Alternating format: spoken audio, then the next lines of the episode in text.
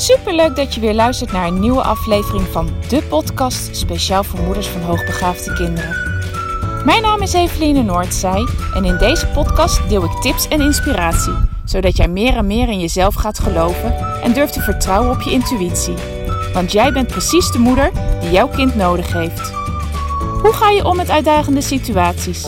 Wat heeft jouw kind van jou nodig? En hoe zorg je voor verandering in je gezinssituatie door jouw eigen persoonlijke groei? Ik heb er veel zin in om dit allemaal met jou te delen.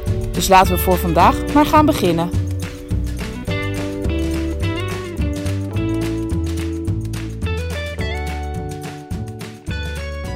Hey, hallo. Leuk dat je weer luistert naar een nieuwe podcast. Podcast aflevering 149 alweer. Wauw. Voor maandag, aanstaande maandag alweer een mijlpaal van 150. Nou, goed. Eerst maar eens deze podcast. Podcast 149. Want vandaag wil ik heel graag iets met je delen. Een inzicht dat ik kreeg toen wij afgelopen woensdag bij een concert waren. Wij zijn naar het concert van eh, George Ezra geweest in het Ziggo En het was voor ons als gezin zijnde de tweede keer dat we zoiets deden. En dan gaan we met onze oudste drie. Alleen onze jongste was niet mee en die is nog echt wel te jong. Uh, onze derde kan het maar net volhouden. Tegen, meestal tegen het einde valt hij net, net op het laatste moment in slaap. En, uh, maar het was gewoon weer geweldig. Zo'n mooie ervaring om dat met elkaar te doen. Uh, onze derde, die had er al een paar dagen van tevoren enorm veel zin in. Die zei ook elke keer, oh, ik wou dat het al woensdag was. Want dan konden we tenminste gaan. Ik heb er zo zin in. Nou, dus uh, ja, het was echt, uh, echt weer een feestje. Leuke avond uit. En voordat we uiteindelijk uh, naar het Ziggo gingen, zijn we eerst nog uit eten geweest. We waren al vroeg in Amsterdam. En dat is ook even gezellig. Dan kan je ook echt even quality time met elkaar hebben. En ik vind uit eten gaan ook altijd een heel leuk en mooi leermoment voor de kinderen. Want wat wij heel belangrijk vinden is dat de kinderen op een gegeven moment gewoon ook hun eigen ja, hun eigen eten gaan bestellen. Weet je wel, meestal is het best wel eens iets ingewikkelds, omdat niet alle kinderen alles maar lusten. En dan, uh, ja, dan moeten ze toch echt even aan de bak, even over een drempel heen, uh, iets wat ze spannend en ja, waar ze een beetje angst voor hebben, toch gewoon gaan doen. Dus, ehm, nou ja, weet je, wij hebben het eigenlijk al, hadden het eigenlijk al heel leuk toen we uit eten waren geweest. En toen liepen we naar het Psychodoom. En we waren best wel vroeg, want we ja, we wilden heel graag ook het voorprogramma zien. Met name mijn man had zoiets van: ja, ik wil het voorprogramma ook zien, want Passenger kwam. En hij had zoiets van: ja, maar dat vind ik eigenlijk ook heel gaaf. Dus uh, we waren er al flink op tijd. Gelukkig hadden we deze keer zitplaatsen. Dat is toch wel een stuk relaxter dan als je al die tijd ja, moet staan of op een trap moet zitten, wat we de vorige keer hadden. En. Uh, nou ja, eigenlijk gaat het in deze podcast heel erg over wat ik toen ervaren heb. Het verschil tussen het voorprogramma en het hoofdprogramma. Hè? Het verschil tussen Passenger en, en George Ezra. En nou, ik ga beginnen met het uitleggen van, goh, wat, wat gebeurde er nou tijdens dat voorprogramma? Nou, Passenger kwam het podium op. Um, ik ken zijn nummers persoonlijk niet. Nou, later bleek dat, ik echt, dat hij één, uh, nummer 1 hit hier in Nederland heeft gehad. En dat is het lied wat ik inderdaad wel ke uh, kende. Let Her Go heet dat. En um, nou, hij begon te spelen. Um, eerst uh, voor mij in ieder geval onbekende nummers. En ja, hij zette zichzelf daar op het podium zo op een bepaalde manier neer. Dat, dat ik het in ieder geval niet als ontspannen heb ervaren om daarnaar te kijken. Uh, op mij maakte die een behoorlijk onzekere indruk. En dat was voornamelijk door de, ja, door de dingen die hij zei. Um, de manier waarop hij zichzelf presenteerde. Um, ik vind het helemaal niet erg als je zegt van, nou, dat je heel dankbaar bent dat iedereen er is en dat je het leuk vindt. Maar ja, hij bleef dat zo benadrukken. En de opmerking die hij maakte uh, over zichzelf. Ja, ik weet dat jullie niet op mij zitten te wachten. En ik ben straks ook weer weg. En um, ja, het, het voelde voor mij niet fijn. Het voelde alsof hij enorm onzeker was. Of hij eigenlijk niet zijn plek in durfde te nemen. Um, het gevoel dat hij, ja, wat, dat hij minder was. Minder dan, dan um, ja, dan, dan het programma wat daarna kwam. Hij maakte zichzelf met die opmerkingen ook heel erg klein.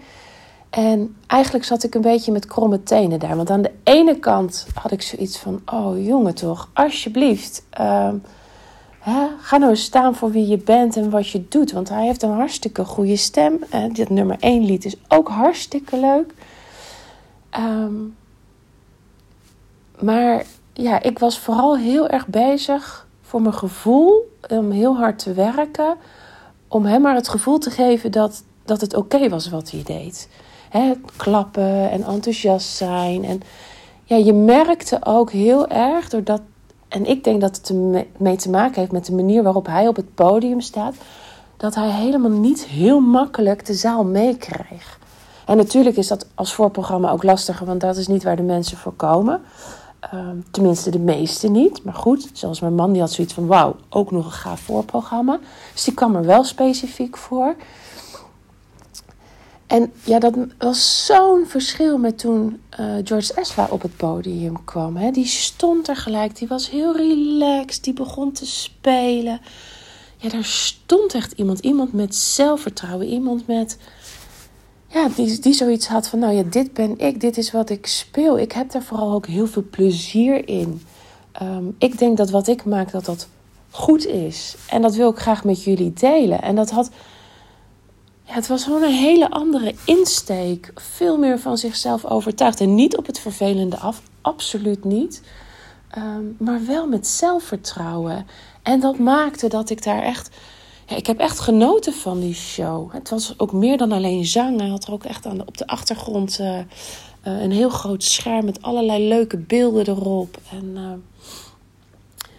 ja, ik kon gewoon een soort van achterover leunen. Ik voelde me, ja, het klinkt misschien een beetje gek, maar gedragen tijdens die show. En ik heb echt anderhalf uur genoten en niet het gevoel gehad dat ik iemand moest ondersteunen omdat hij zo ontzettend onzeker was.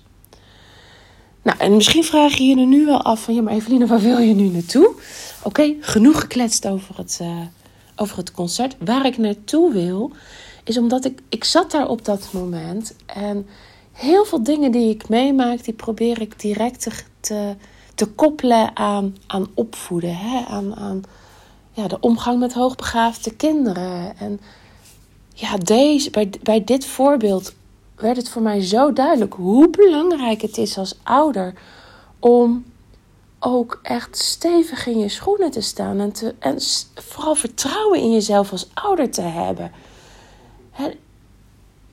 op het moment namelijk dat een, een hoogbegaafd kind, dat eigenlijk echt wel leiding nodig heeft, die structuur nodig heeft om alles maar het hoofd te kunnen bieden waar het tegenaan loopt Ehm, ja, echt een stuk leiding. Waar, waar iemand de leiding pakt en zegt: Oké, ik ga je hier doorheen helpen. Het is misschien niet altijd makkelijk, maar ik ben er voor je. ook met dat volle hoofd. Ik, ik ga je ermee helpen, ik ga je erin begeleiden. Maar die stevig in zijn schoenen staat, is zo ontzettend fijn voor deze kinderen. Dat hebben ze zo ontzettend hard nodig. Want dat geeft ook een stuk veiligheid in een wereld die voor hoogbegaafde kinderen niet altijd even veilig is of niet altijd even makkelijk te begrijpen is.